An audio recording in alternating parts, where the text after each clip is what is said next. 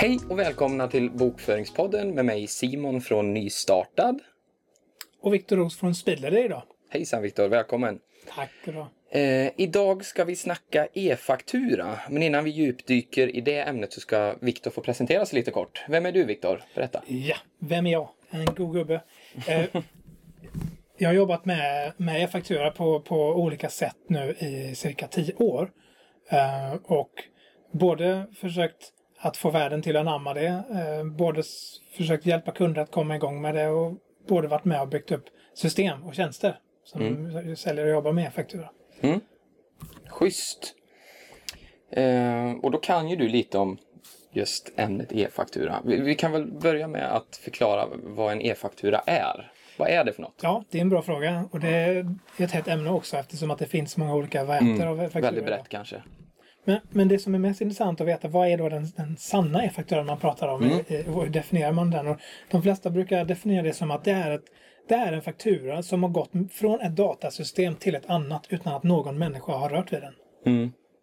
Helt elektroniskt. Helt elektroniskt. Mm.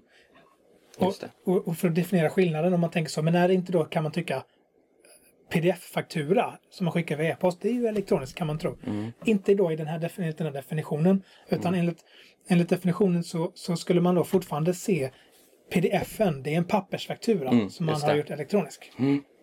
När den skickas, visst den skickas elektroniskt, den går inte via någon postverk och så, men den som tar emot fakturan måste öppna upp den, titta på den och hantera den precis som om det vore ett papper. Just det. Medan en e-faktura är alltså... Ettor och nollor. Ja, som, precis. Som går in, Data. Mm. Ja, data som går mellan två databaser eller två datasystem. Från Så datasystemet. att, det är egentligen den stora skillnaden. Mm. Och, och det förstår ju alla att, att, att, att e-fakturan gynnar både utställare och mottagare. Mm. Mycket bredare än pdf-fakturan i det här fallet. lättare att hantera och så vidare. Eh, men som privatperson så får jag e-faktura eh, rätt in på internetbanken. Och jag har alltid tagit för givet att det fungerar på samma sätt för småföretagare. Men, men jag fick reda på häromdagen att så är det inte riktigt. Vad, vad, vad är skillnaden där? Nej, och det stämmer. Så har inte alltid varit nämligen. Utan det- att, att den här definitionen av... För så här är det ju. De flesta av oss människor, skulle jag säga, som, som kommer i kontakt med faktura i vardagen är ju, kommer i kontakt med det som privatperson. Man har kanske ett mobilabonnemang eller ett, ett, ja, ett telefonabonnemang, elabonnemang, eh, försäkringar eller liknande. Som man har valt att klicka ta emot som e-faktura i sin internetbank. Mm, just det, för det finns ett alternativ för internetbanken. Precis, Ta emot precis. som e-faktura. Men själva e-fakturavärlden för företag har, har, har egentligen utvecklats runt omkring eh, runt omkring alltså, ja, business to business som man säger, B2B, företag till företag. eh, och har hamnat utanför internetbanken och det har egentligen att göra med att, att behovet för, för e-faktura historiskt sett har mestadels gynnat stora företag och organisationer som har haft stora volymer. Och de gör inte sina betalningar i internetbanken. Nej. De skapar sina betalningar utanför det i, i, i eh, de skapar fil och skickar till via bankgirot till exempel eller via plusgirot. Och, och, och de, de jobbar alltså i, i system som inte eh, är kopplade, förankrade med internetbanken alls egentligen. Så, så de är inte synkade Som inte med, använder med internetbanken banken? på den bemärkelsen. Då.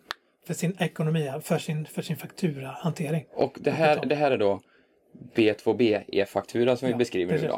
då. Eh, Och det var, du nämnde något om någon bokstav tidigare, det tyckte jag var lite kul. Det är inte så lätt att hålla koll på det för man inte är insatt, men beskriv gärna det. Nej, men precis. Och, men det som, som man har, har, har länge jobbat mot faktiskt, och nu har en lösning som har lanserats i de största storbankerna, det är att småföretag som använder sig av internetbanken för att skapa sina betalningar, det vill säga utgår mycket mer i sin, sin e- ekonomiadministration utifrån internetbanken, kan nu idag ta emot en faktura som är utställd elektroniskt som en e-faktura och utställd till ditt företag.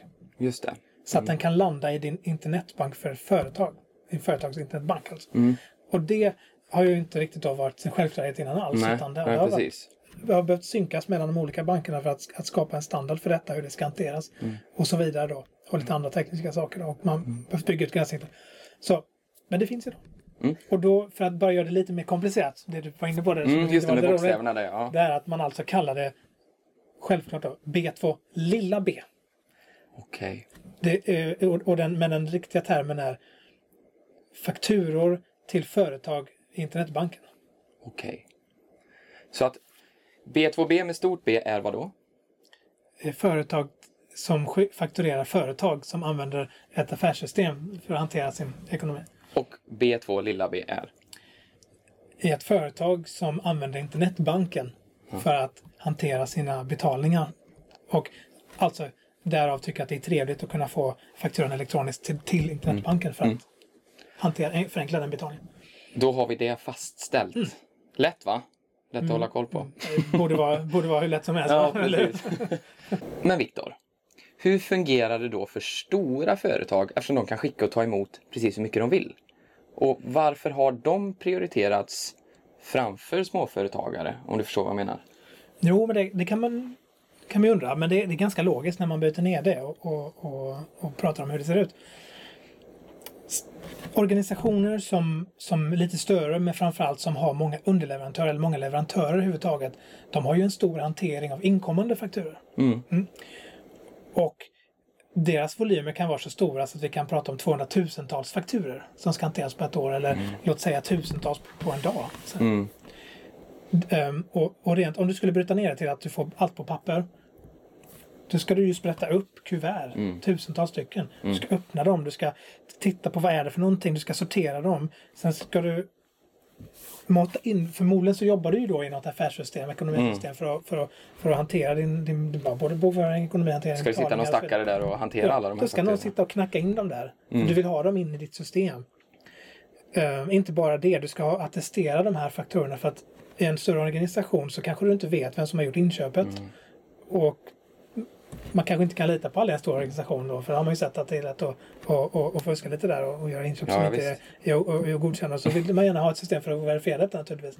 Så e- ekonomiavdelningen som, som jobbar med leverantörsrättskonton har, har som skyldighet att kontrollera och, och se till att, att de olika avdelningarna som eventuellt har gjort de här inköpen kan attestera och godkänna. Ja, det stämmer, vi har gjort det här. Mm. Eh, Det är inom våran budget och så vidare. Vi har, vi har lov att Dessutom köpa får man ju väga in den här lilla miljöaspekten också på att du skickar tusentals pappersfakturor. Du sparar ju lite på miljön. På det har länge varit ett, ett sätt att marknadsföra e-fakturan naturligtvis. Mm. Men, men om man vill titta på drivkrafterna bakom de stora krafterna för Mm. att vi...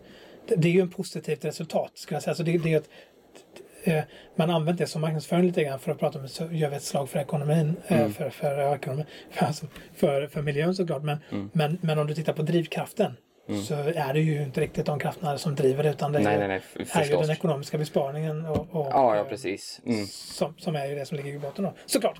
Mm. Ehm, så ser världen ut. Ehm, Yes. men alltså, ehm, för att komma tillbaka nu till var vi var. Mm. Ja, precis. Mm. Sväva iväg lite, men det får man lov att göra. Nej, det är bara roligt. Då har vi alltså eh, det här mottagande eh, organisationen. De, de, man har räknat ut i olika studier, det, det finns olika siffror på detta, men man skulle väl ändå dra en siffra som är mellan 150 och 300 kronor någonstans har man landat i att det faktiskt kostar. Det finns vissa som skulle säga nej, nej så dyrt eh, är det inte för oss att hantera fakturor. Men, men om de kommer på papper, du ska attestera dem, de ska, ska alltså eh, Knådas in i knådas in i ekonomisystemet. systemet Mm. och, och så vidare. Så pratar vi eh, en hel del tid. Mm. Eh, och vi pratar att det kan vara flera människor som är inblandade för att detta. Så att, så att upp till 300 kronor per faktura pratar man om att hantera en inkommande faktura. Och vad är en inkommande faktura? Jo, det är att man har köpt en tjänst som man har blivit skyldig att betala. Men man, får, man måste betala för att betala. Alltså det blir en stor kostnad för att betala. För det, Mm. ja, om man tittar på det och bryter ner det. Och det är ju någonting som har varit väldigt intressant för ett företag att försöka få bort helt enkelt då, som har så mycket inkommande. Så att då har man ju tittat på hur man kan automatisera det istället och, och få sina leverantörer till att skicka in det som en datafil istället. Så att, att, så att det automatiskt bara kunde läsa in. Och det var då man egentligen byggde det som kallas för EDI eller punkt-till-punkt-lösningar med, med underleverantörer. Stora industrier som Volvo och annat um, har då tvingat in sina underleverantörer. Men det är ganska enkelt när det är leverantörer som bara tillverkar en bilstol och de säljer den bilstolen till Volvo. Det är lätt för Volvo att säga ska ni sälja den här produkten till oss då måste ni ha det här systemet och skicka fil till oss. Mm. Och så var det förr. Det, det gjorde man med de som hade lite volymer då på den tiden. Mm. Men, det det, går- ser man ändå, eh, även idag va? Men alltså lite man, det här. man ser det beteendet men, men mer och mer. Men det blir mycket mjukare. Mm. Det är svårt för, för kommunen att tvinga in sina leverantörer att, att skicka i fakturor. Men de börjar mer och mer ha den tonen. Mm. Eh, det finns till och med eh, organisationer och, som har, har så bestämt eh, det, det är inget nytt utan sedan några år tillbaka har gått med ganska hård linje att ni får inte lov att vara vår leverantör om ni inte kan skicka elektroniskt till oss. För att ni besparar oss så mycket tid om ni skickar elektroniskt. Så att för oss är det inte värt, då hittar vi en annan leverantör. Mm. Är det byggbolag så hittar man en annan som kan sälja betong till dem. Alltså, eller Mm. som, kan, som är, beredda på att gå in och skicka elfakturor. Och, och det, detta upplevs naturligtvis lite trögt för, för de som, som är mindre företag som, som blir så, får hårda krav om att de ska skicka fakturan på ett helt annat sätt än vad de gör till alla andra sina kunder. Mm, precis. Om de nu inte har så många kunder om man är mindre företag. Så. Ehm, så, så, så för att försöka vända detta till någonting positivt så, så fick vi prata om vad är det också, vad, vad är vinsten och fördelen för, för, för säljaren, alltså för, för, leveran, alltså som för utställaren av fakturan i det här sammanhanget. Och de är faktiskt ganska många också. Det blir lätt att bara prata om, om eh, den stora vinningen för mottagarsidan. Det, det, det som, som är den stora vinningen när man skickar elektroniskt det är ju, det är ju flera. Tänk att du sitter och ska fakturera på kvällen. Så, eh, och du, du jobbar som ett en mindre företag. Eh, säg att du är inom, du är snickare säger vi, det är en ganska bra yrke. Mm. Ja, men det kör En. Mm. hantverkare eller snickare, hantverkare. Ehm, du jobbar hårt på dagarna eh, och på, sent på kvällarna och på nätterna så, eh, så känner du att nu är det nog dags att fakturera mina kunder också för Mm. jag, jag behöver nog få betalt också för mina jobb. Så det är ju det är inte helt ovanligt att, att man som hantverkare sitter på både helger och sena kvällar och, och um, skapar fakturor. Mm. Ja, sitter du där, skapar dina fakturor, du har ett bra system till exempel. Jag har hört att spelledare e-bokföring, fakturamodulen är ett bra. Mm, jo, men jag har också hört att okej. den funkar för vissa. Det fun- funkar ju bra. Men man kan ha vad som helst, eh, skämt åsido. Man kan, Mm. man kan ha vilket fakturering som helst, sitter där och jobbar. Um, skapar sina fakturor, det går fint, man har sparat dem och så ska man skriva ut dem och så... Ah, nej! Jag har ingen bläck i skrivaren, eller tonen är, är, funkar inte, eller jag har inget papper. Mm. Ja, Hur gör vi då? Ja, då får man ju vänta till nästa dag. Är det då lördag så får du ju vänta till på, på söndag morgon och åka Mm. iväg och, och handla papper och ja, vad det nu är. Sen när du väl har gjort det då, och, och du har hittat papper och allting är bra och då kommer du hem ska du bara kuvertera. Hade du saknats det fem kuvert får du ge dig ut igen på en liten snurr och bara okej, Mm. Precis. köpa lite nya kuvert och, så vidare. Ni förstår vad jag är ute efter. Ja, precis. Sen ska man ju vika ihop, slicka ihop kuverten, man ska slägga på och Mm. slänga på rätt porto. Eh, man ska veta om det var massa bilagor till exempel i, i brevet så blir det lite tyngre. Då räcker det kanske inte med vanligt porto, då kanske måste man ha dubbelt porto och så vidare. Så att det, det är rätt mycket sådana praktiska saker då. Mm. Så man kan tycka att men jag har inte så många fakturer. Men det blir ganska mycket jobb i det. Ja, precis. Och så tänker vi scenariot. Du sitter och skapar dina fakturer i ditt faktureringssystem, vad du nu än Mm. har. Ehm, du trycker på skicka.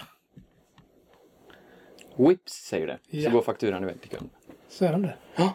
Men nu är det så såklart. Så kan, kan man tänka sig då att men alla kanske inte kan ta emot faktura elektroniskt så som Just vi det. definierade dem förut. Då är det faktiskt väldigt många e-fakturaleverantörer som också erbjuder en kompletterande printtjänst. Det innebär att du som utställare, du kan sitta och trycka på skicka. Mm. Alla dina fakturor skickas ifrån dig elektroniskt Mm. Och går då till... till en, din, din e-fakturaleverantör Mm. som sorterar upp. De här kan ta emot e-faktura. Då kommer de skickas till dem elektroniskt. Mm. De här de kan inte så de skickar vi på papper på en print istället. Mm. Så kuverteras det och printas externt hos en annan part. Mm, just det. Så du som företagare du behöver liksom inte röra, du behöver inte ha några Nej. papper, kuvert, porto. Utan du trycker på skicka. Det är tidssparande helt enkelt. Otroligt och, tidssparande i det sammanhanget. och tid är pengar för Det småföretagare. är det. Så är det. det, är det. Så att här, här pratar vi inte om att besparingen på papper och, och porto är något enormt. För det är det inte. Utan det, den stora besparingen, den största besparingen du gör, det är faktiskt tiden Mm. och smidigheten i att du kan sitta var som helst. Du behöver inte vara beroende av din printer, du behöver inte vara beroende av din fysiska plats.